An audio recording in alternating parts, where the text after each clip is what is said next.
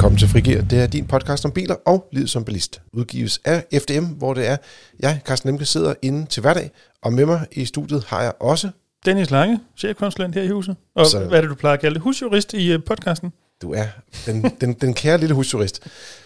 Og også Yasser Abaiti, teknisk konsulent i FDM's rådgivning. nærmest altvidende inden for automobilteknologi. Ah, rolig nu, Carsten. Ah, men det synes jeg. Jeg synes, det er godt. nu, det, det er vedtaget. Alt ja, vi lærer lidt hver dag. Vi har som sædvanligt øh, tre korte nyheder øh, med til dig, kære lytter. Så får vi besøg i studiet af Søren W. Rasmussen, hvor det er, at øh, Jasser og Dennis de lige holder en lille pause. Øh, og så taler vi om Car of the Year 2022. Den er nemlig lige blevet afsløret. Og Søren han er det danske jurymedlem, og det eneste danske jurymedlem, der er øh, i den. Lige præcis den jury. Derefter så hopper vi direkte videre til øh, en gruppetest, vi har med fire stationcars. Det er jo stadig noget, der bliver solgt derude, og der er efterhånden ikke så mange af dem. Og så slutter vi af med et par lytterspørgsmål. Har du et af dem, kan du sende dem til podcast Men først, så starter vi med nyhederne kort. Dennis, Skal jeg starte? ja, hvad har du med i dag? Jeg har, jeg har lidt sikkerhed med i dag. Øhm, Euro NCAP har øh, hvad hedder sådan noget, udgivet et nyt øh, kul tests. Ja. Øhm, nogle biler, der har været igennem øh, pælen og så videre. Og øh, for en gang skyld, så ser det faktisk øh, relativt pænt ud. Øhm, og måske det, der er den, hvis vi skal starte et eller andet sted, det er der er den sådan mest... Øh, ikke, om den er bemærkelsesværdig, men det er den i forhold til den test, der var i slutningen af sidste år. Det er Renault Megane E-Tech, som rent faktisk får fem stjerner. Det er jo i sig selv ikke usædvanligt, men det er bare bemærkelsesværdigt, at nu er det Zoe'en i slutningen af sidste år blev testet til 0. Øhm, Ja, og deres Dacia Spring, som også kommer fra samme koncern til En enkelt. Ja, Ja, præcis. så, Så, så, så, så det viser nu er back on track. ja, Renault kan da i hvert fald åbenbart stadigvæk bygge, bygge sikre biler. Så skal de bare huske at gøre det altid, øhm, må man sige. Men nej, som sagt, øhm, det er nogle pæne resultater. Øh, I de femeren for eksempel har også været igennem, den nye Polo har også været igennem begge to til fem stjerner. BMW 2-serie Coupé, som vel ikke kører sådan hysterisk mange af herhjemme, Ah, er har til gengæld i situationen kun fået fire. Det er jo stadig et pænt resultat, men det er dog, dårligere end de andre. Øhm, så ja, Ja, det er faktisk en mindre god nødbremse og vognbaneassistent, der trækker lidt ned i den samlede vurdering. Og der er noget med, at de har forskellige niveauer af øh, de her sikkerhedssystemer. Så det kan være det, der påvirker lidt. Men øhm, ja, jeg ved ikke, om vi skal nævne alle bilerne, ellers så kan man jo gå ind på vores hjemmeside, fdm.dk, og lige øhm, se de sidste. Men det er i hvert fald de, jeg tænker, der er de vigtigste, vi har lige tog med her. Super lækkert. Og Jasser, hvad, hvad, hvad har du faldet over, så at sige? Jamen, ikke så meget andet end at øh, forsinkelse, forsinkelse, forsinkelse, ligesom alt andet er forsinket. Så, Og det er ikke øh, toget, vi taler om her. Nej, nej, nej. Det er Tesla, der er forsinket med nogle af deres modeller, øh, eller deres fremtidige modeller. Det er ikke lige til at udvikle noget nyt, og øh, så må man jo vente. Og Tesla har jo øh, efterhånden teaset længe for både noget Cybertruck og noget, noget Tesla Roadster, øh, og måske endda på et eller andet tidspunkt en Model 2. Og altså som det ser ud nu, så har de rigeligt på deres tallerken øh, i, at, i at bare levere de modeller, som der er nu, og det er jo så 3'eren og Y'eren, øh, og måske også nogle af de her S'er og X'er, som på et eller andet tidspunkt også kommer øh, i nogle, nogle nye varianter, ikke også? Så det er ikke bare lige øh, for dem at, at smide nogle nye, øh, hvad kan man sige, modeller på markedet, og Og man kan sige, de har prioriteret at producere mange elbiler. Når man ser på deres produktionstal, er de jo virkelig øh, gået derop af. Mm. Øh, og så øh, er de, øh, ja, i forhold til, hvis det skal være noget med mange, så er det mere, at de annoncerer, at der kommer mange biler, men der kommer så ikke helt så mange. Og de der S'er og X'er, de er vist begyndt at komme i USA, tror jeg nok, S'er. Mm. Men Ja. de er ikke rigtig klar til at komme til Europa nu. Nej, nej, og, og vi ved heller ikke, hvornår vi får. Altså, den tyske fabrik skal jo også lige i gang. Øhm, så, så hvornår vi får noget derfra, det er jo også øh, noget, som er, hvad kan man sige, på deres tallerken. Så på et eller andet tidspunkt, så, så forventer vi i hvert fald, at der sker noget, både inden for deres europæiske produktion, men, men også nogle nyere modeller. Øh, jeg glæder mig personligt rigtig meget til den der Roadster. Det, det, Men, men er historien ikke også, og nu tager jeg det gerne på min egen kappe, mm. lige når vi snakker Tesla, og måske også når vi mere specifikt snakker Elon Musk, hvad han siger, at der kommer, og hvornår der kommer, har ikke nødvendigvis, og faktisk højst sandsynligt, intet med virkeligheden at gøre overhovedet, og til nærmest aldrig haft det. men, er det, Øhm, men er det ikke sådan for de fleste fabrikanter? Altså, Åh, jeg synes måske, at Tesla er lidt slemmere end så mange andre. Nogle gange virker det til, at man øh, godt ved, at man kan øh, hype en aktiekurs og nogle investeringsvilligheder. Hvis man siger, at i morgen så kommer de her 77 modeller, de bliver fantastiske, Ja. selvom man godt ved, at det er løgn. Man kan Det- sige, at Cybertruck i hvert fald, den var der jo rigtig meget opmærksomhed, da det var, den blev vist i, i 2019. Mm. Og de sagde, den skal nok komme i 20, 21, det var så sidste år. Ja, det var løgn. Og nu bliver det i hvert fald tidligst næste år, og endda øh, ikke engang sikkert, at den de viste nogensinde kommer til Europa, fordi den jo er for stor til at blive indregistreret som bil. Og Roasteren, som øh, ja, så, altså, jeg går ud fra Cybertrucken, det var din bil, den har noget med det Design. meget aggressivt Lækre- design lækre- og lækre, det lækre er detaljer. hysterisk. Jamen, det tænker det er, man, det er man sådan kan, en som, indtæller med som dig. designer kan man ikke være mere doven. Jeg vil sige, der sidder nogle Volvo-designerne fra 80'erne og tænker, i det mindste var vi skulle avanceret. Vi lavede, vi lavede dog, dog et tag. Vi lavede ikke bare sådan en, en, en, en trekant. Det er ligesom et A-hus, hvis man kigger på den fra siden. Nå, Roasteren, den, er, den har været haft mindst 12 års tilløb. Øh, de annoncerede allerede i 2011, at de ville producere en Roadster fra 14 af, og viste så konceptbilen, eller prototypen, i 17. Mm-hmm. Så det var lidt efter, de skulle introducere den. Og så sagde de, den starter vi med at bygge i 2020. Mm. Men det er jo 2022 nu, og den er stadig ikke, den kommer heller ikke i år. Så øh, Jeg faldt også over, øh, det er lidt tid siden, jeg tror i år, der var det, det kan også være, det var 21, der var, der var det 10 år i træk, hvor øh, øh, Musk havde sagt, næste år, så har vi den selvkørende bil på, på gaden. 10 år i træk. Det er ikke Ja. sket endnu. Ja. Næste år. næste år bliver sagt næste år. Ja. Nå, men om ikke andet må man sige, at de biler, de rent faktisk har, øh, de øh, fungerer og udmærket, og, øh, men man må sige, der er ikke det store ud- udvalg i øjeblikket. Der er en, en 3'er og en, en Model Y. Det er det, der er. Ja, og det, det, altså det, det, jeg, jeg tror, alle har det svært lige i øjeblikket, af, når vi taler fabrikanter. Men altså, man skal jo... Jeg, jeg tror, at Dennis har lidt ret i, at øh, det, det, det er godt at ligesom at booste øh, hans image, hans firmas image. Og, Jeg tror ikke, jeg har lidt ret i det. Ja, du, Jeg, jeg tror aldrig, at nu er, at, altså, du tror jo ikke noget. Du, du er jo, øh, som sagt, husjurist, og dermed så ved du noget, ikke? Ej, man man kan sagtens tro en hel masse stadigvæk. Ja, det er Det her det er nok lidt over i spekulationsområdet, men jeg vil sige, du, jeg vil, jeg vil nok øh, kigge lidt samme retning. Men er du, sidder du derude og er Tesla-fanboy og tror på alt, hvad Elon Musk siger, så skriv til uh, noreply.fm.dk. Yes. Yes. Og eller podcast fordi hvis der nu er et godt bud på et eller andet, vi har overset, så vil vi meget gerne høre om det. Min øh, nyhed i den her uge, det er... Øh, jeg tænker, hvor, hvorfor, det, er mig, der plejer at bestyre den her postkasse. Gider du at sidde og læse så mange ting igennem? Men jeg har lige sørget for, at I to også kommer på. Så hvis I ikke har set det allerede, så har I fået adgang til Nå, podcast, pokker. postkassen. Så øh, yes, Podcast, pod, podcast, postkassen. Det er faktisk svært at sige. det er sindssygt svært at sige. podcasten.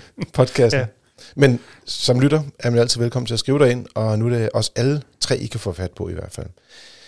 Den nyhed, jeg har tænkt mig at tage med, den lægger lidt op til vores emne i dag, som er Kaffe of 2022. Og det var sådan, at øh, lige før, at øh, resultaterne de blev offentliggjort, så øh, sagde de faktisk, at de de russiske jurymedlemmer, de trådte ud, eller blev ekskluderet af kåringen, så at sige. Det, det var sådan lidt en, øh, hvem siger hvad, hvornår, men øh, det er sådan, at at russerne simpelthen er, er, er trådt ud af kåringen, så de simpelthen slet ikke er med. Deres stemmer til simpelthen ikke med i kåringen i år. Øh, der, var, altså, der er simpelthen så meget betændelse omkring den her krig, der er i Ukraine, og vi skal nok ikke... Det er jo ikke os tre, der kommer til at løse den konflikt. Nej, det, det, det, er ikke, det er ikke noget, vi skal behandle. Altså, eller, Nej, på den det- konto. nej, Men jeg bare lige præcis. nævne, at det, det fik Ja. ja. faktisk også en, en konsekvens, der gik herind i. Det er også mm. konsekvenser for mange sportslige områder og sådan nogle ting. Så Og det kommer også have, til at have konsekvenser for bilbranchen. Selvfølgelig. Jamen, jeg så allerede nu, at øh, der var, var det fabrikken i Sviglau, som producerer Folkevogns øh, ID3, ID4, mm. øh, Cupra Born og øh, Audi Q4 e-tron.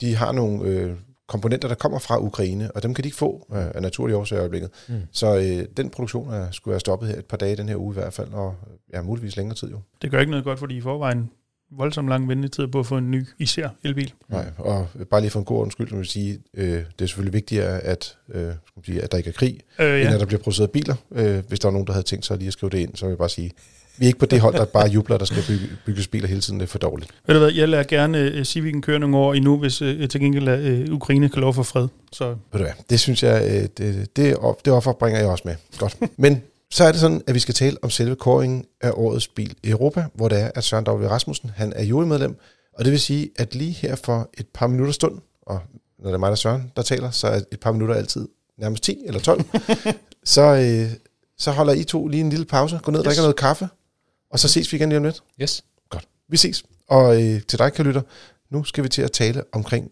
Car of the Year 2022.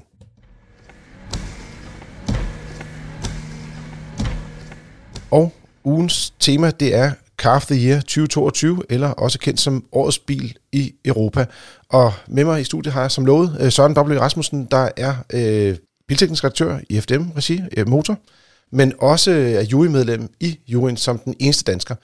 Søren, øh, hvad er Car of the Year for en størrelse? Ja, man kan sige, det er i virkeligheden, kan vi slå vingerne helt ud og sige, verdens ældste bilpris. Mm.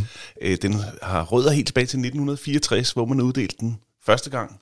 Dengang var det en relativt lille jury, der var, der var med dengang, men øh, den har udviklet sig i, til nu at være en, det, vi kalder en stor international pris med rødder i Europa, men vi har også lige nogle enkelte lande rundt om Europa.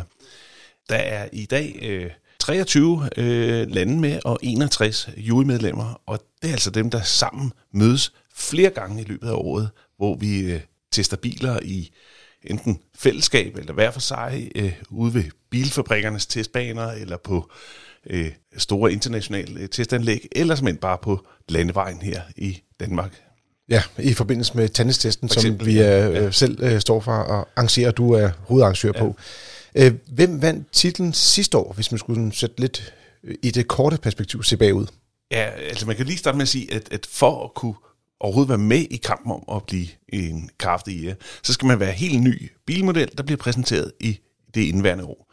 Og sidste år, der var der jo et hav af bilmodeller. Jeg tror, vi var helt op på en 30-40 stykker. Og der kom vi altså det ned til syv finalister. Og da vi sidste år så skulle vinde, finde vinderen, så blev det Toyota Yaris, som altså særligt er kendt for sin hybridteknik. Og i år har der så været færre eller øh, flere modeller at vælge mellem i den indledende runde? Det har nok, der, ja, der var lidt flere øh, modeller i, øh, i, hvad kan man sige, det vi kalder the long list, altså ja. øh, brutolisten, brutolisten over, ja. over, over alle de nye bilmodeller. Og det, der var kendetegnende det i år, det var, at der var virkelig mange elektrificerede biler, altså rene elbiler eller, eller plug-in øh, hybrider. Og det lavede vi også mærke til, da vi skulle arrangere tennistesten, fordi at der var i endnu større øh, grad brug for øh, skal man sige, lader til, at vi rent faktisk kunne teste biler det er rigtigt. I, i løbet af den uge, det var. Der er simpelthen trukket strøm på kryds og tværs. Ja, øh, nærmest hele Nordjylland. I finalfeltet, øh, som består af syv biler, øh, der var seks af dem elbiler, altså kun kørt på strøm. Rigtigt. Og så den sidste bil, så at sige, der var med, øh, som ikke var alene elbil, det var Peugeot 308. Der findes både som benzin, diesel og plug-in hybrid, og som kommer som en elbil også. Ja, cirka midt næste år. Midt næste år, ja. Så i realiteten ja. er der ingen af dem, der, der slet ikke findes som elbil. Der er et strømstik i dem alle, kan man sige. Mulighed for det i hvert fald.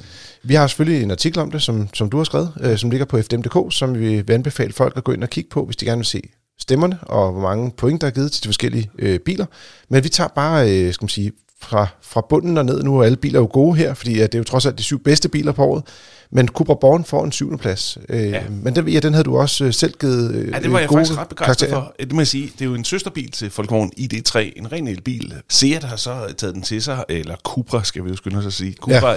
er Seats luksusmærke, og øh, elbilsmærke bliver det også på sigt. Øh, de har simpelthen lavet bilen lidt om, vil jeg sige. De har givet den et nyt øh, eksteriør, altså nyt yder, nye sæder, nyt øh, instrumentbord, ny undervogn, men selvfølgelig beholdt batterier og, og elmotor, som vi kender fra Folkevogn.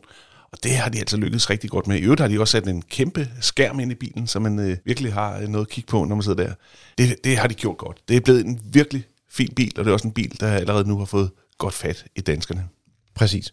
Øh, en anden elbil, der faktisk også har solgt rimelig godt øh, allerede sidste år, det er Ford Mustang Mach-E. Den kom ind på en 6. plads. Ja, det er jo Fords allerførste elbil, sådan rigtig, rigtig elbil, ja. ja. Jeg har lavet lidt eksperiment, men, men her der har de altså en elbil, der er bygget fra starten til at være elbil, og øh, det er altså noget, der lover rigtig godt for fremtiden. Jeg vil så sige, lige den her, synes jeg ikke, de har ramt helt et bullseye, og det hænger sammen med, at det er en meget tung bil. De har puttet et kæmpestort batteri i den, mm. og de har altså ikke formået helt at få styr på vægten i undervognen, det, det, ja, det kan gøres bedre. Det er der altså mange af de andre biler, der gør. Det er også derfor, det var ikke den, jeg gav topkarakter. Det er altså, som vi allerede nu kan regne ud, heller ikke den, der vandt. Det er heller ikke den, der vandt, når den blev nummer, nummer 6. Øh, jeg kan også bare kort sige, øh, øh, mange af de her biler er jo faktisk biler, som vi har testet øh, i motorregi, og den her var også med i vores gruppetest, hvor den kørte længst, men man kan også sige, at den havde også et markant største batteri, så ja. den er heller ikke så energieffektiv, og det er jo nok noget, vi kommer til at tale om i, i de kommende år i hvert fald. Men, men bare lige for at sige hurtigt, Ford har jo sagt, for 2030 laver de kun elbiler, så øh, ja. det her det var den første, og der kommer rigtig mange, og det jeg gætter på, de bliver bare bedre og bedre år for år. Og nogle af dem er jo øh, i samarbejde med Volkswagen, lidt eller ja. øh, Cupra Born, den kommer formentlig også i en, en eller anden Ford-variant på et tidspunkt. Så er der på en femteplads en Skoda Enyaq ja. IV, som vi ja. kalder den. Men øh, ja, Skoda Enyaq, spændende bil. Ja, det må man sige. Øh, da vi havde samlet brutolisten, som vi talte om før, så havde vi jo både Audi Q4 e-tron med, og mm. Folkevogn ID4, og så Skoda Enyaq her.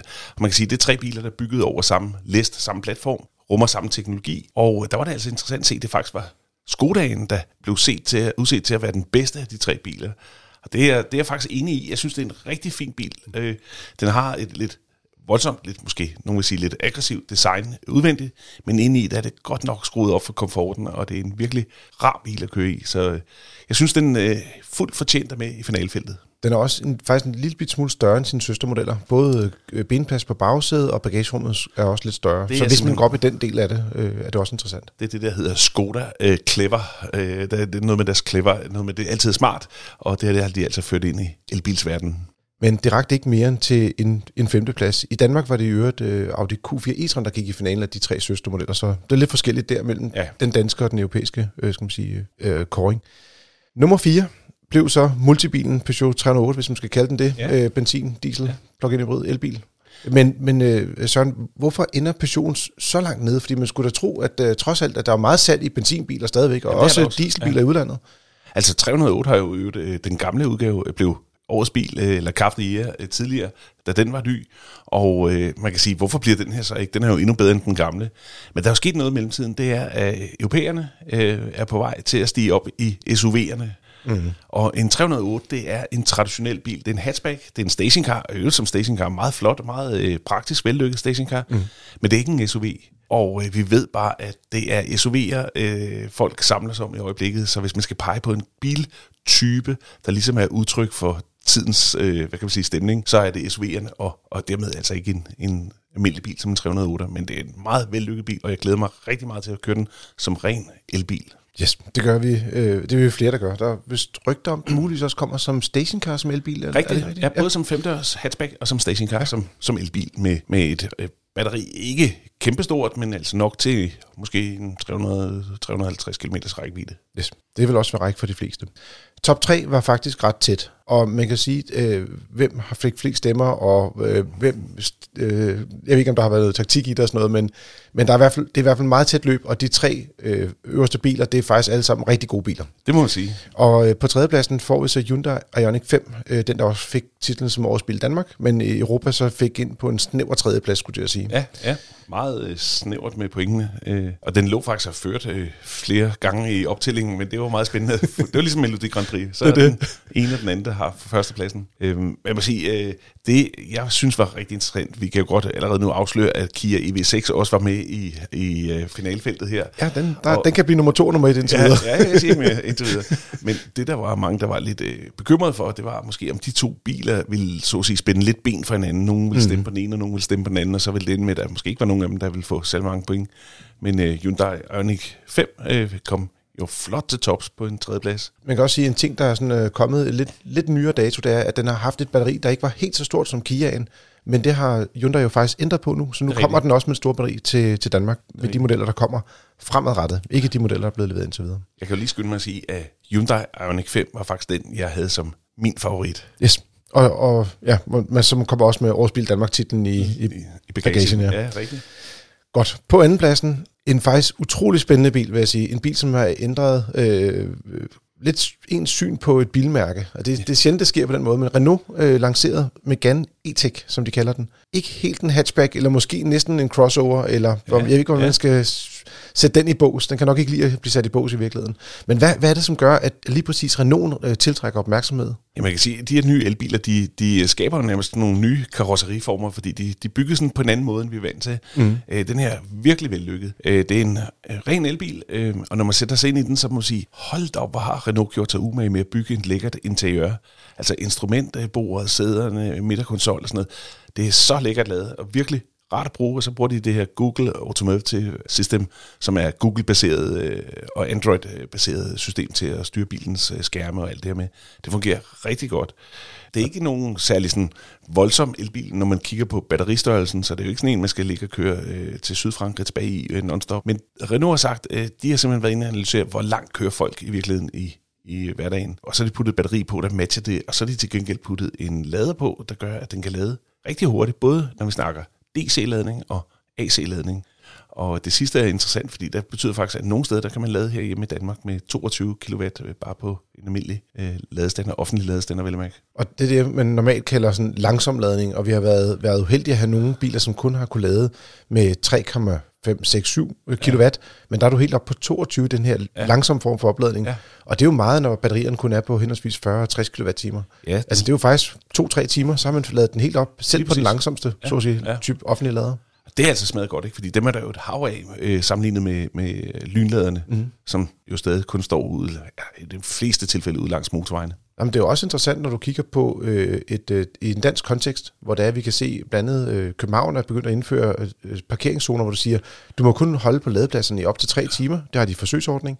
Der kan du rent faktisk på tre timer lade din øh, ja. Renault op. Det er rigtig godt ting. Så, og så er der en lille vigtig ting, ja. det er, at vi har lige set crash test af Renault i dag. Det Den kommer ud med fem stjerner, og det vil sige, at den øh, får lige vendt op og ned på det her kedelige billede, Renault ellers havde fra en Renault Zoe elbil. Som, ja, som vi også har talt lidt om. ja, som jo fik 0 stjerner. Så øh, Renault har vist nu, de tager det her med elbiler seriøst igen. Renault var jo en af de første, der lavede elbiler for 10-15 øh, år siden. Mm. Øh, nu er de kommet på banen igen. Det er rigtig godt at se, at de har sat alle sejl til, og nu skal der altså øh, skrues op for ambitionerne, og det viser den her bil. Det er en rigtig fin bil, den kommer til Danmark nu her, og der er rigtig mere at vente ved jer i, i baghånden. Ja. I pipeline, de har simpelthen modeller, der kommer yes. til. Jeg husker lidt som, at hvis man går efter den store familiebil, så, så er det ikke Renault, man skal gå efter. Den er mere sådan en to øh, ikke sige plus to, det er måske lidt ja. hårdt sagt, men den, den er en, en, en lidt mindre familiebil i pladsforhold i forhold til de andre SUV-modeller, der jo har klaret sig godt i konkurrencen, som du sagde. Ja. Det er jo lidt, på den måde ligger den ikke i, i tidsånden. Øh, plads er der i hvert fald en del af i, øh, i vinderbilen, som er Kia EV6. Det er rigtigt. Hvad, hvad tænker du om Kia EV6, Jamen, Søren? Øh, allerførst, øh, stort tillykke til Kia. Det er virkelig flot, det der. Og Kia EV6 er jo gået rent ind på det danske marked. Vi ved, der er mange danskere, der har bestilt bilen og fået den også allerede nu udleveret. Og der er mange, der går og venter på den. Der er jo nærmest halve og hele års øh, ventetid på det, det kan man se. Øh, så den har ramt lige tidsordenen. Det er en relativt dyr bil, øh, som jeg husker, det starter den på 330.000 kroner, og kommer hurtigt op i nærheden af 400.000, når man øh, lige får sat lidt krydser. Men, men det er en virkelig velkørende bil, og så må man sige, det er del med en bil, der skiller sig ud fra alle andre Kia'er med sit design. Mm. Der har de altså givet den gas med spændende former og detaljer, som gør, at det, det er faktisk en rigtig fed bil at bare gå rundt og kigge både foran og bagpå og sådan noget. Og hvad det, den har sådan, især bagpå har den sådan den, en kæmpe bue med LED-lys, som desværre ikke er tændt i løbet af dagen af en eller anden ja. ja desværre. Øh, men, men det ser virkelig flot ud, når man kommer ind i sådan om eftermiddagen, og, og tusmørket lægger sig. Der skiller den sig meget ud på, på vejen. Øh, og så har den jo meget teknik, som er til fælles med Hyundai Ioniq 5, øh, blandt andet deres øh, 800 volts øh, teknologi eller teknik. Ladesystem, ja. ja. ja. Det er vel også noget, der skiller sig ud i forhold til nogle af de andre konkurrenter. Det er de eneste, som leverer den her form for lyn, hurtig lynladning, kan man sige. Ja. Øh, eller med ja. mulighed for det, kan man så ja, sige. man kan sige, det er noget, vi har set sådan noget hos Porsche eller Audi eller sådan noget, men, ja. men nu er det altså kommet ned i almindelige øh, biler. Det er virkelig noget, som øh, Jorin, det ved jeg, når jeg taler med mine kolleger, de har virkelig sat pris på det her, og det har været med til, at de både stemt på Kia og, og Hyundai i den her sammenhæng. Og det viser sig også, at altså, den er rigtig fin til at lade. Den er måske ikke helt så fin, som, som fabrikken stiller i udsigt, men, men den kan dele med lade hurtigt, og det er jo altså det, der er afgørende. Man kan også sige, at det kan godt være, at, at altså de, vi har jo set, at den har levet op til sit potentiale i enkelte opladninger. Men der er også nogle situationer i øjeblikket, hvor man kan mærke, at de her biler, det er jo næsten første generation af de her elbiler. Så de skal jo ligesom lære, hvordan de skal lade bilerne på den rigtige måde. Og der kommer nogle opdateringer, både softwareopdateringer og nogle andre tekniske opdateringer, som gør, at de kommer til at lade hurtigere også fremadrettet. Og der er det jo faktisk meget smart at have den her 800 volts ladeteknologi, fordi som muligheden er bare langt større, end hvis du øh, kun er i 400 volts universet. Det, det er jo det, der er rigtig sjovt ved de her elbiler. De udvikler sig simpelthen øh, efterhånden, som man ejer dem, fordi de bliver opdateret enten, øh, når de er på besøg på værkstedet, eller over the air, som det hedder. Altså mm. det vil sige, at der kommer nogle opdateringer, ny software, ligesom man kender fra sin mobiltelefon, og så får den ny øh, software, eller appsene kan noget andet dagen efter. Det kommer altså også til at ske med elbilerne. Det er det, der er så fedt. Altså, det er en, en bil, der bare bliver ved med at, at, at levere øh, noget nyt, og det, det er altså spændende. Gaven, der giver og giver, som man siger. Kia, må, det må simpelthen være første koreanske vinder? Det er det. Det er første så... gang, vi har set en koreansk vinder, og det øh, synes jeg virkelig var velfortjent. Øh, som sagt var jeg lidt bekymret for, at de løb i vejen for hinanden under, ja. under øh, optællingen af stemmerne, men, men det klarede de altså at skubbe de andre ned, og øh, jeg skal hilse at sige, at der også blev jubel øh, i, øh, i Korea, og eller nede i, det er jo faktisk nede i, i Sydtyskland, nede ved Frankfurt, de, ja. de har deres udvikling, europæiske udviklingscenter, men de var virkelig begejstrede. Øh, jeg har også øh, skrevet med nogle af dem her efterfølgende, og de har virkelig været glade for det her, fordi det er, det er jo præcis det, de arbejdede på.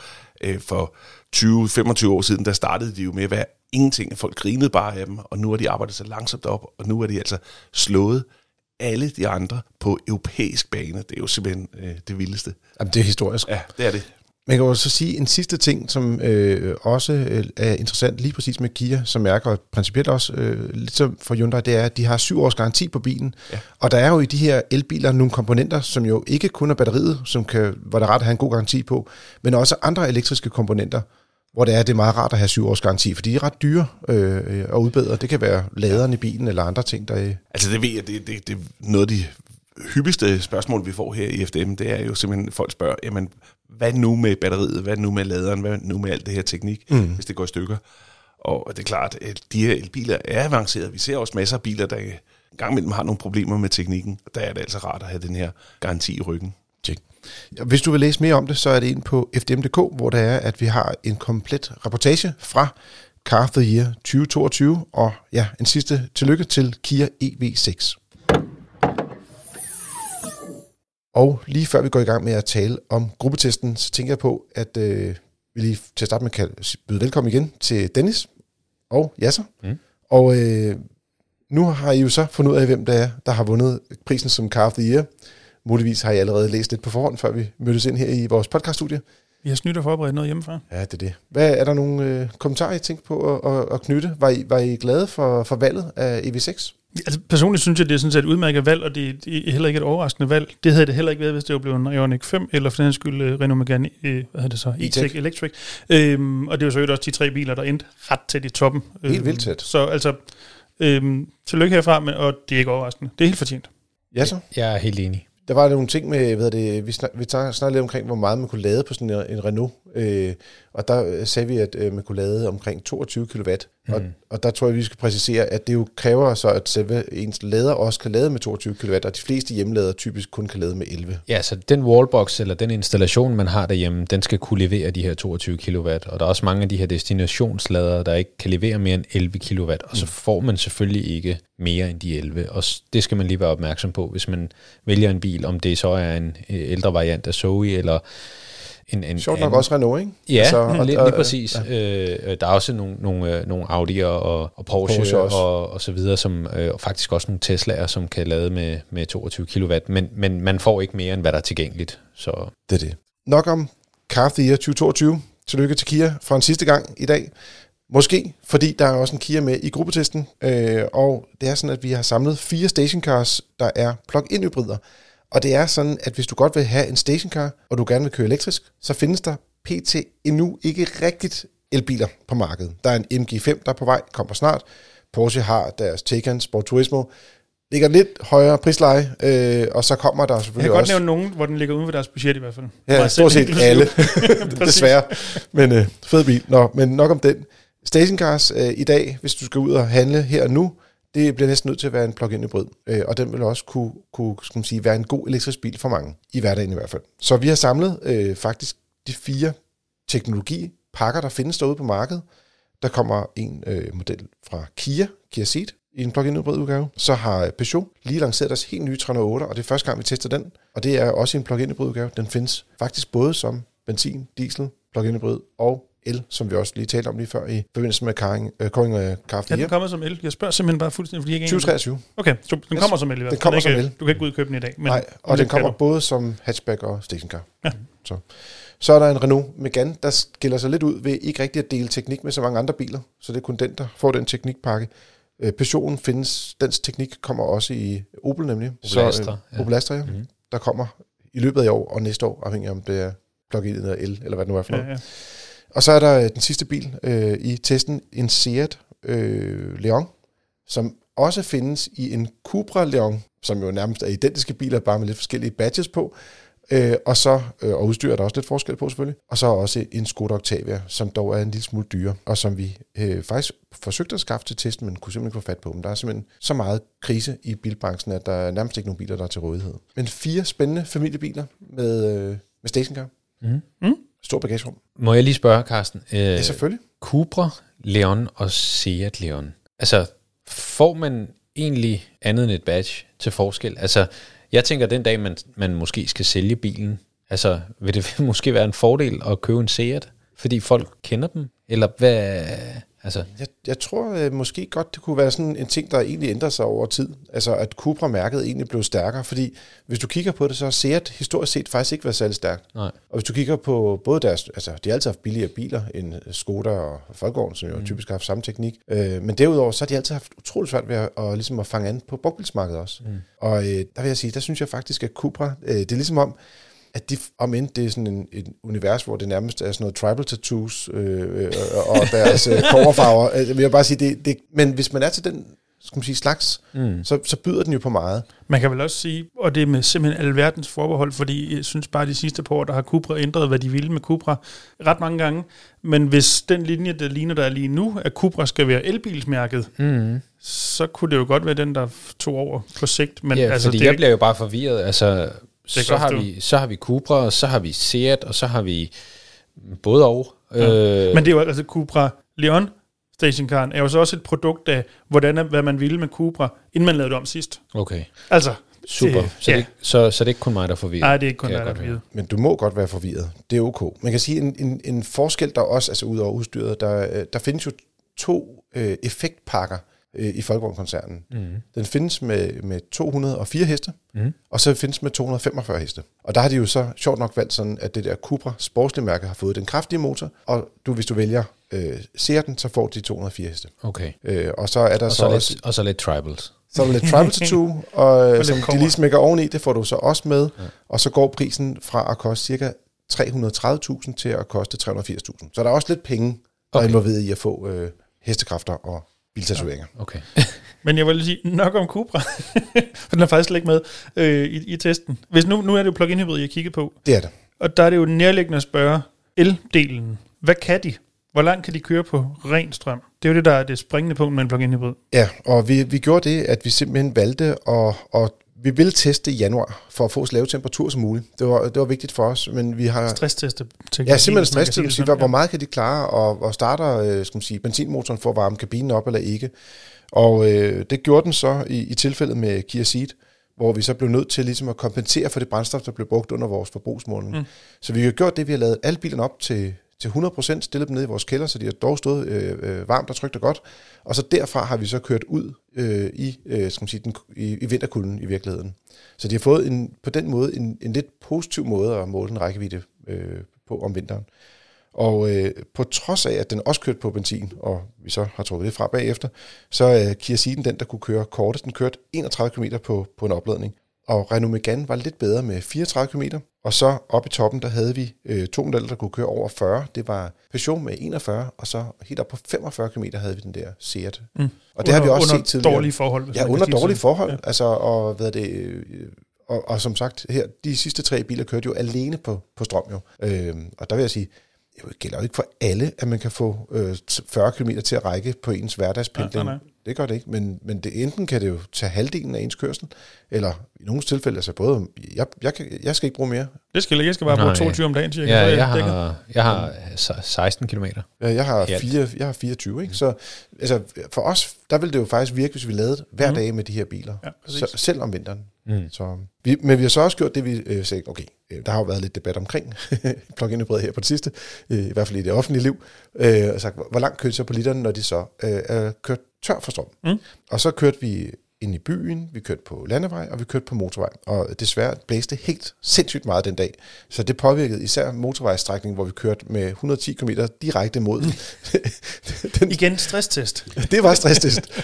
Men jeg, så, så jeg vil sige, øh, men dog skal lige sige, at bilerne her var varme, fordi finten er, når man måler over sådan en relativt korte afstanden, som vi har gjort, så bliver du nødt til at have noget, der er repro- reproducerbart. Og i starten, når bilen øh, kører, så, så kører den kortere på literen. Så øh, vi har lige kørt, øh, jeg tror det er 10 km, og så begyndte vi at måle øh, forbruget på, på bilerne. Og der kørte de altså 16, 17 og 18 km på literen. Det, I det leje. Altså, så øh, det, det, Så er lidt end det, det samme i virkeligheden. Ikke lidt Ja, afhængigt der er ikke den store forskel på dem. Det er, ikke, det er ikke der, hvor man kommer til at se den store forskel på, på de fire biler. Øh, Så det er mere på specielt det der med, med rækkevidden på strøm, der gør en forskel. Og så må man sige, at, at de forbrugstal i praksis med en kombination af meget kraftig vind, og du kører dem både motorvej og by- og landevejskørsel, synes jeg faktisk er, en, er sådan fine tal, uden at være sådan helt exceptionelt. Ikke? Altså, Jo, jo, jo. det, det, er ikke, det er ikke sådan øh, 12 km literen eller sådan noget af den stil. Men jeg vil dog sige, altså det er jo så også, hvis du har den, og du ikke kan bruge de din øh, hvad skal vi sige, hverdagskørsel, få, få den kørt på strøm. Når du så en sjældent gang skal på tværs af Jylland, for eksempel, eller hvad du nu skal, det er jo ikke sådan, at du så ligger ned og kører øh, 10 på literen eller et eller andet. Altså, det er jo fornuftige, pæne tal for den almindelige strømløse kørsel. Præcis. Og der kan man også sige, at forbruget er en lille smule højere, når du kører alene motorvejskørsler, end er de her klart. tal, vi lige har nævnt. Det er klart.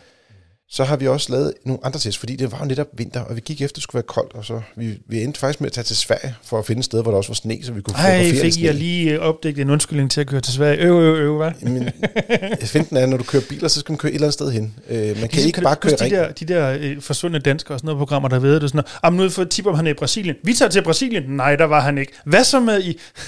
Det er rigtigt. Det, øh, måske skulle vi tænke, altså, men nu øh, Har er vi der altid med et formål. tropetemperatur? Det være, I skulle Hvorfor kører de ikke til Hawaii? Præcis. Det er en lidt lang tur i bil, vil jeg sige. Det, I så fald skal det nok være en, der også kan klare lidt vand. ja. Nå, nej, fair nok. I skulle have noget rigtig kulde, der Vi skulle have noget kulde. Sverige er det tætteste på. Fair Vi nok, forsøgte at komme til Sverige og, øh, hvad det, øh, og lavede også en test, hvor vi ligesom testede bilernes øh, egenskaber, når det var, at de var sådan kølet helt ned. Og øh, der er det sådan, at, øh, at vi så målte en, en måling over et kvarter for at se, hvor hurtigt kan kabinen blive varmt øh, i, i, de- varm i de forskellige biler. Og vi målte faktisk, øh, det var sådan, at øh, øh, alle bilerne, eller de fleste af dem startede benzinmotoren for at varme kabinen op, når det var øh, koldt. Mm. Mm. Øh, og øh, altså, der var minus 5 grader, da vi startede med at lave målingen. Så det var øh, ret koldt. Øh, mm. Og øh, den eneste, som, hvor motoren ikke startede, det var faktisk den der Seat, øh, mm. som jo også, også findes som Cupra og, og som Skoda også. Mm. Øh, samme teknikpakke. Det var den eneste, der rent faktisk kunne klare det. Og ikke nok med det, når den kørte på strøm, så varmede den faktisk kabinen, øh, hvad det, undskyld, så varmede den op lige så hurtigt som de andre. Men vi testede den så også, hvor det var, vi gjorde det, hvor vi tændte for benzinmotoren. Og der varmede den så øh, kabinen endnu hurtigere op end de andre. Mm. Så øh, man kan sige, de varmede op til sådan, ja, sådan lige underkanten af 15, og lige omkring 15 grader, ikke? Efter et kvarter. Så det er jo ikke, fordi det blev sindssygt varmt øh, i kabinen. Og dermed er det jo også ret fedt at lige holde øje med, om bilerne har ret varme, og om de har sædevarme. Fordi det er jo sådan noget, der kan hjælpe en, Mm. når man starter i kulden. Ja, ja, præcis. Det gælder jo også for en benzin- og en dieselbil, for at sige som det er. Ja. De har bare ofte lidt mere overskudsvarme. Og det, og det er jo så også der, hvor at man kan sige, ser den så, øh, på grund af at den, den teknikpakke, den har i, og den har en, en elektrisk øh, opvarmning. Det er derfor, den, den ligesom kan, kan øh, nøjes med ikke at køre på, altså at den kan Den, nøjes den behøver med ikke at at køre på starte, strøm, kan ja, lige sige, præcis. Den ikke? behøver ikke at Så- starte benzinmotoren for varme. Lige præcis. Og man kan også sige, vi har også fået, vi har haft sådan en termisk øh, kamera med, en af dine kolleger, øh, Martin, var med på, mm. på vores tur, øh, og, og, og stod sådan og filmede, øh, skal man sige, rettene på de forskellige biler. Nu havde den 308, vi havde til test, ikke ret varme. Mm. Men øh, det havde de andre øh, tre, og der kan man sådan se, der er sådan en, nærmest sådan, sådan en ring of fire øh, på, på Gear Seat, og det ved vi også fra vores test, at den er jo helt åndssvag varm, øh, hvis du, altså når du har det tændt i, i, i 5-10 minutter. Du skal handske på, ikke for at holde varme, men for at holde varme. Nej, for, holde varme, for simpelthen for at holde varmen væk. så med, øh, hvorimod øh, Seat Leon, den var sådan lidt mere afdæmpet i sit øh, skal man sige, varmeudbytte, og så Renault havde sjovt nok, øh, og det kunne man så også mærke på rettet, men det kan vi også se på de her infrarøde billeder, øh, kun varme elementer på nogle steder, altså der, hvor man rent faktisk holder hænderne, mm. men op på toppen af rettet, øh, hvis man er den type bilist, der hænger øh, med armen op på toppen. Ja, det, det er man ikke med en rulle. Det er, at du måske ser den. Ja, Meget præcis. fordomsfuldt, ja, men, øh. meget fordomsfuldt, men det, og, og, der kan man sige, det gør Renault i hvert fald ikke, fordi der er det skide koldt lige deroppe. Præcis. Så, yes. Men hvordan jeg tænker på, nu er det jo plug-in hybrider, og de har jo nogle gange, i hvert fald historisk set, når man har set plug-in varianter af biler, så øhm, ryger der ret meget bagageplads, fordi at batteriet skal være et eller andet sted. Nu er det jo stationcars, der hjælper muligvis en tand på det, men hvordan var det, altså, har de stadig bagagerum, der er, hvad skal jeg sige, brugbar, fornuftige? Er der masser af plads? Nej, der er ikke, der er ikke masser af plads. Mm. Øh, Det er der ikke. Og, og de her batteripakker, de tager plads bagi. Ja. Ja. Og ikke mindst er der også nogle biler, hvor det er, at når du ser på de her litertal, så er bagagerummet øh, måske øh, ret skal man sige, volumøst i liter. Men når du så står og kigger ind, så tænker du, hvor, hvor blev vi af? Fordi at noget af det er under gulvet. Og, ja. og alle de liter, der ligger under gulvet, de er jo stort set øh, et op af, af batterier eller andre af anden teknik, der så skal gemmes dernede, hvor, øh, skal man sige, øh, hvor, hvor batterierne ellers ville have været. Ja. Så øh, Man kunne forestille sig, at Peugeot burde jo teoretisk være den, der klarer sig bedst, i og med, at det er den nyeste konstruktion, og også konstrueret til at være alle former for drivmidler. Hvor jeg, uden jeg lige ved, øh, på nogen måde kan vide øh, udviklingsprocessen ved Kia og Seat og så videre, men jeg tænker, det er nok i hvert fald knap så meget udviklet til alt, øh, som, som Peugeot 308 er. Men, men det er også øh, super godt spottet, og øh, skal man sige, der er ikke nogen tvivl om, at den, den er også den nyeste platform af, Mm, af dem, ja. der er. Og den har også øh, øh, cirka, eller skal man sige, rundetal, øh, 550 liter, hvor de andre har 450 liter, hvis man kan sige sådan helt groft sagt. Ikke? Ja, ja. Øh, ser den er lidt højere op nok på 470 liter, men man kan godt se i forhold til de almindelige versioner, at der er lidt mindre plads. Øh, øh, Kiaen for eksempel, der er gulvet en lille bit smule højere op end den normale bil. Så hvis du bare kun bruger det almindelige bagagerum i en Kia Ceed, så er plug-in hybriden stort set den samme. Mm. Men hvis du kan bruge den plads, der er nedenunder gulvet, så at sige, alle de der mærkelige hulrum, de har gemt der i, i Kælderen. Kia, i kælderen. Hvis du er typen, der smuler helt vildt meget, så øh, ved du, bliver du rigtig ked af det ved at købe en plug-in hybrid i hvert fald. Øh, men der var sådan en anden ting, vi så også målte, det var komfortmålet, eller øh, skal man sige, det samlede øh, ben, altså benlængde, der er foran og bagved. Mm. Så hvor, hvor meget plads er der til, til at sidde i bilen. Og der viste det sig, at, øh, at Kia Ceed øh, har jo altid været en bil, der ikke har klaret sig så godt i den måling. Og, øh, og der var 308'eren på samme størrelse. Og det var lidt overraskende, fordi Peugeot tidligere faktisk har været ret god til at have en, øh, en altså god benlængde på bagsædet, og har haft ekstra akselafstand i deres øh, stationcars. Men det har altså ikke udmyndtet sig i, i god plads her. Øh, og Renault Megane var lige et par centimeter bedre, men faktisk var der næsten 10 cm forskel på Seat Leon og så øh, Kia Ceed og Peugeot 308. Mm. Og det er altså meget, når du sidder på bagsædet, at have 10 cm øh, foran knæene. Skråstreg, om dine knæ de så rammer sæde foran, ja, ja, eller ikke rammer. Ja. Eller om autostolen kan være der, Ja. og så videre. Ikke? Især dem, der har øh, bagvendt, bagvendte autostol ja, og sådan nogle ting, betyder 10 cm rigtig meget. Ikke? Mm. Og, og det er også nogle af de ting, som gør, at øh, Seaten øh, så øh, klarede sig ret godt på det parameter, altså at være en god familiebil. Man kan sige, generelt set, øh, så er det sådan, at øh, det er faktisk nogle fine biler, alle fire. Og teknikken er selvfølgelig en lille bit smule forskellig. Og øh, stjernemæssigt, så er den, der er ældst konstruktion, er den, der også får den øh, laveste karakter. Det er Renault Megane. Den får mm. tre stjerner, som er sådan, det vil sige, den går lige. Det er acceptabelt. det er ikke en super anbefaling, men det er heller ikke en, en frarødning eller en bil, vi ikke anbefaler. Øh, og så har vi en, øh, skal man sige, en Kia Ceed, der sådan sniger sig op på sådan fire stjerner. Øh, den har, øh, kan ikke rigtig køre helt lige så meget på strøm, og det har vi også talt om tidligere, ja, så også mm. i forhold til det her med opvarmning på strøm, eller ikke opvarmning mm. på strøm. Øh, og så i toppen, der er der så Peugeot 308 og, og Seat, og der må man sådan lidt også, også gå ind og se, vi har sat, kan, sat det der klistermærke, der hedder testvinder på Seat'en, fordi den kunne køre længst øh, på strøm. Den kunne køre på strøm om vinteren alene, mm. hvilket vi synes var en, et vigtigt parameter for os. Mm. Øh, og at den var, der var mest plads i kabinen, og økonomien var fornuftig og sådan nogle ting. Men andre ville måske synes, at designet var vigtigt for dem, og synes, at det var flot at købe 308'erne. Så kunne de godt acceptere, at de ikke kunne køre på strøm, øh, når det var koldt, for eksempel. Ikke? Øh, men i forlængelse af den her debat, der har været omkring plug-in hybrider, Ja. så vil jeg sige, at gå efter en elbil, eller plug-in hybrid, som ikke kan køre på el om vinteren, det vil være meget ærgerligt i hvert fald. Det tager en lille smule pointen af i hvert fald. Ja, det er også, øh, vi får jo også en del henvendelser øh, i vores rådgivning omkring det her med, at, at folk, som har været ude og prøve en, øh, en plug-in hybrid om sommeren, og så kommer, så kommer januar, øh, og, og pludselig så, så vil den slet ikke starte på, på, på strøm og køre kun i hybriddrift. Og det er, øh, hvad kan man sige, en, en, en væsentlig ting. Så hvis det betyder rigtig meget for en, at man kører primært på strøm, så er det her en, en super test, fordi at man får de, de virkelige forhold her i Norden, øh, og ikke en WLTP-test, så, som viser, at bilen kan køre en milliard million på literen. Og man kan sige, at minus 5 grader er jo også noget, vi oplever i Danmark. Det er jo ikke sådan en ekstrem kulde, som Nej. vi har taget til Nordsverige, og, hvor der var minus 40 grader eller sådan noget. Det er jo trods alt ikke der, vi er henne. Det er jo sådan ret, Almindelig ret relevant for almindelige vintermorgen-agtigt. præcis. Ja. Men gå ind på fm.dk eller motor.dk, øh, hvis du vil hurtigere frem til vores øh, gruppetest. Der kan du læse noget om alle øh, fire elektriske plug-in hybrider. Nu siger jeg elektriske, fordi de er også elektriske. Mm. Øh, og der kan du læse øh, både testvinderen, og du kan læse øh, de resultater, vi har øh, generelt set. Og er du medlem af dem, så kan du også få lov til at se alle de her fine billeder, vi har fået skudt øh, med infra- det infrarøde kamera og de fine grafer med varme og sådan nogle ting. Så glæd dig til motor, det kommer her i løbet af næste uge allerede. Nu skal vi hen til jer, lytter. Som altid kan I sende et spørgsmål til podcast eller en kommentar, og det har Peter Remmen øh, gjort.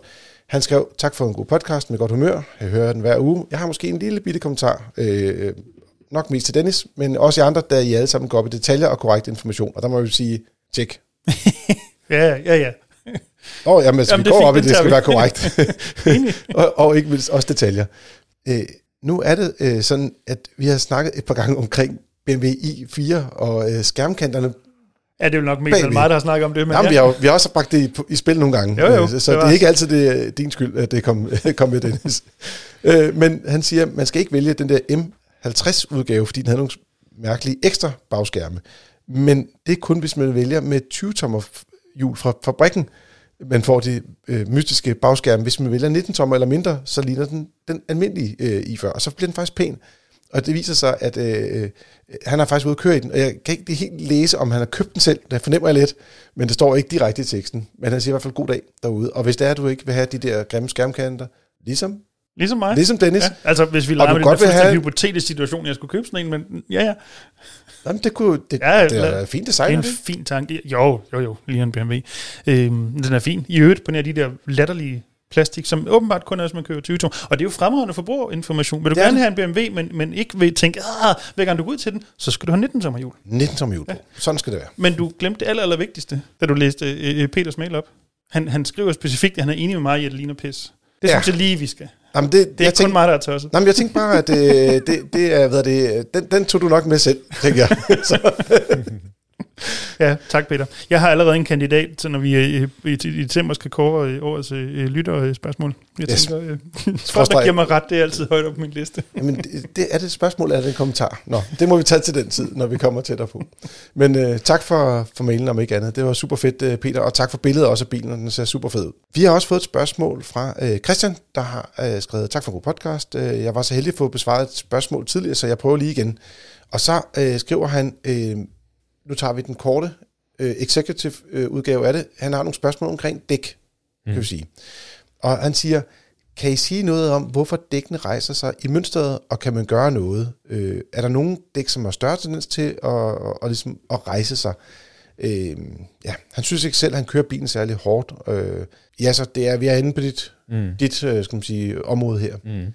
Altså ja, nogle dæk har en større tendens til at rejse sig i kombination med specifikke modeller og køretøjer. Altså man kan Mm. sige, hvis du vælger et Michelin-dæk for eksempel, øh, nu har jeg en, en, en, øh, en, en del af erfaring med nogle øh, spe- specifikke Opel-biler, hvor ja, at, at, øh, at vi for eksempel med, med Michelin-dæk, der havde vi øh, øh, garanteret øh, helt to slitage, som man kalder det, på, øh, på nogle specifikke Opel-modeller. Ja, så jeg hører det rigtig, rigtig ofte. Mm. Når de siger helt to, Ja. så tænker, jeg ofte på, når jeg prøver at efterligne øh, Elkærs øh, moves, når, Ja. ja. når han spiller fodbold. Ja. Men helt to i forbindelse med biler er ikke mm. det samme. Nej. Helt to slitage, eller, eller det her med, at, det, at, at dækkene de rejser sig, det er jo fordi, at de lameller, som er typisk på indersiden, de begynder at, at få den her øh, øh, urundhed eller savtakkethed, mm. hvor at, at de lameller, der, der sidder inderst, øh, typisk, det er dem, der begynder at rejse sig. Øh, og, og det vil sige, at du får et dæk, der er urundt, så hvis du tager hænderne og kører, øh, hvad kan, ikke, ikke mens bilen kører, men, men Nej, når du stille. øh, og, og Du kører åbner vinduet, ja. tager hånden ned til baghjulet. og så, ja, øh, og så kører hænderne øh, øh, rundt øh, på, øh, på dækket, øh, ligesom ære dækket, mm. så kan du mærke, at der er noget, der ikke er rundt. Og, og hvis du så forestiller dig, når du så kører i bilen, så på, på de øh, områder, som der er urunde, jamen det vil faktisk stå og slå og slå på, på vejen og ligesom trumme. Og den, den, øh, den lyd, den vil jo så øh, komme til udtryk i resonans i hele bilen. Øh, og det er typisk noget, vi oplever på forhjulstrukne biler, med, mm. øh, hvor, og, og hvor at du har hele to slitagen på bagakslen. Så det man kan gøre, det er, at man selvfølgelig kan starte med at sige, har jeg det rigtige dæktryk på? Hvordan er øh, hjulene, hjulene indstillet? Altså er det inden for fabrikantens anvisninger? Øh, og hvis alt er, som det skal være, så kan man forsøge at justere øh, så ud af det, øh, men stadigvæk inden for fabrikantens øh, anvisninger. Alternativet er, at man skal finde øh, en anden dæktype med nogle andre lameller, sådan så at man har noget, som, som er helt anderledes. Og så roterer man typisk også på for- og baghjul.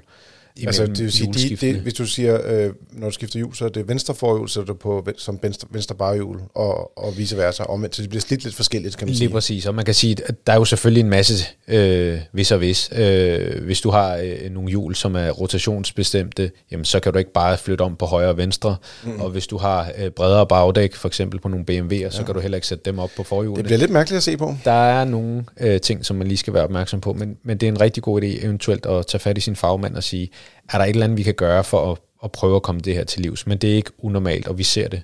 Øh, vi ser det for nogle mærker og nogle dækmærker. Og han kører i en, det han kalder en Golf 7, Folkevogn Golf 7, mm. som er, en lille kommentar til denne her, en klassisk, pænt designet bil. Jeg, jeg, Øh, jeg går med til klassisk. Ja, Ja. Jeg tænkte nok.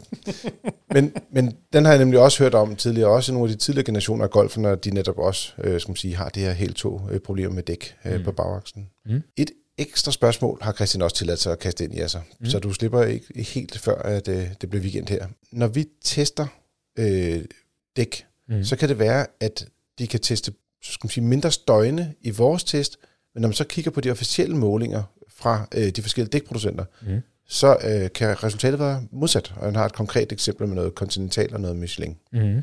Og så siger han, hvordan kan det være, at I måler et, og fabrikkerne opgiver noget andet? Mm. Og det jo fordi, vi måler på en måde, og fabrikanterne eller EU øh, måler på en anden måde, og derfor så får vi øh, to forskellige resultater. Vores, øh, vores øh, resultat er, er, hvad kan man sige, også et resultat øh, af, af flere målinger, blandt andet inden for bilen og uden for bilen, mm. og så har vi for eksempel et felt af 10 dæk, som der bliver målt, hvorimod at, øh, at der er i det her EU-direktiv, der er nogle standarder for, hvordan man måler dækkene, og så holder man ikke dække op, dækkene op mod hinanden, men man har bare et, et mål, som man skal angive, og det er så det, der kommer frem. Øh, det er det resultat, og, og det er fordi, man, man kan ikke sammenligne de to tests, fordi man måler på to forskellige måder. Kan man ikke sammenligne en lille smule med WLTP-brændstofnorm kontra, hvor langt bilen kører Lige på literen ud i virkeligheden? Lige præcis, og der, der kan man sige, at hvis du, hvis du har nogle kontrollerede forhold og, og laver en test på en given måde hver evig eneste gang, øh, så, så bliver det let at sammenligne æbler og, og pærer. Så, og, og man kan sige, i vores test, der, der, der har vi jo også en vægtning og alle mulige andre ting, mm. øh, og, og det har man ikke her. Det her det er bare objektivt. Sådan er det bare.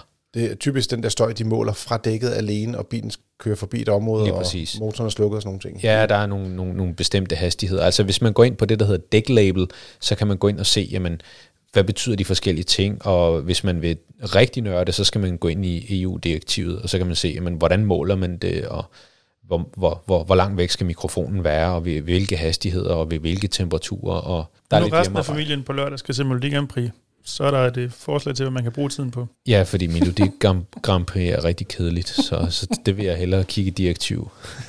Og det gælder så også dig, Christian. Det kan du øh, passende bruge din, øh, din lørdag på, og hvis du har nogle spørgsmål bagefter, du har læst omkring det her dæklabel, så tager jeg så gerne lige og, og strør dig lidt over hårene og forklarer dig, hvordan det hele fungerer.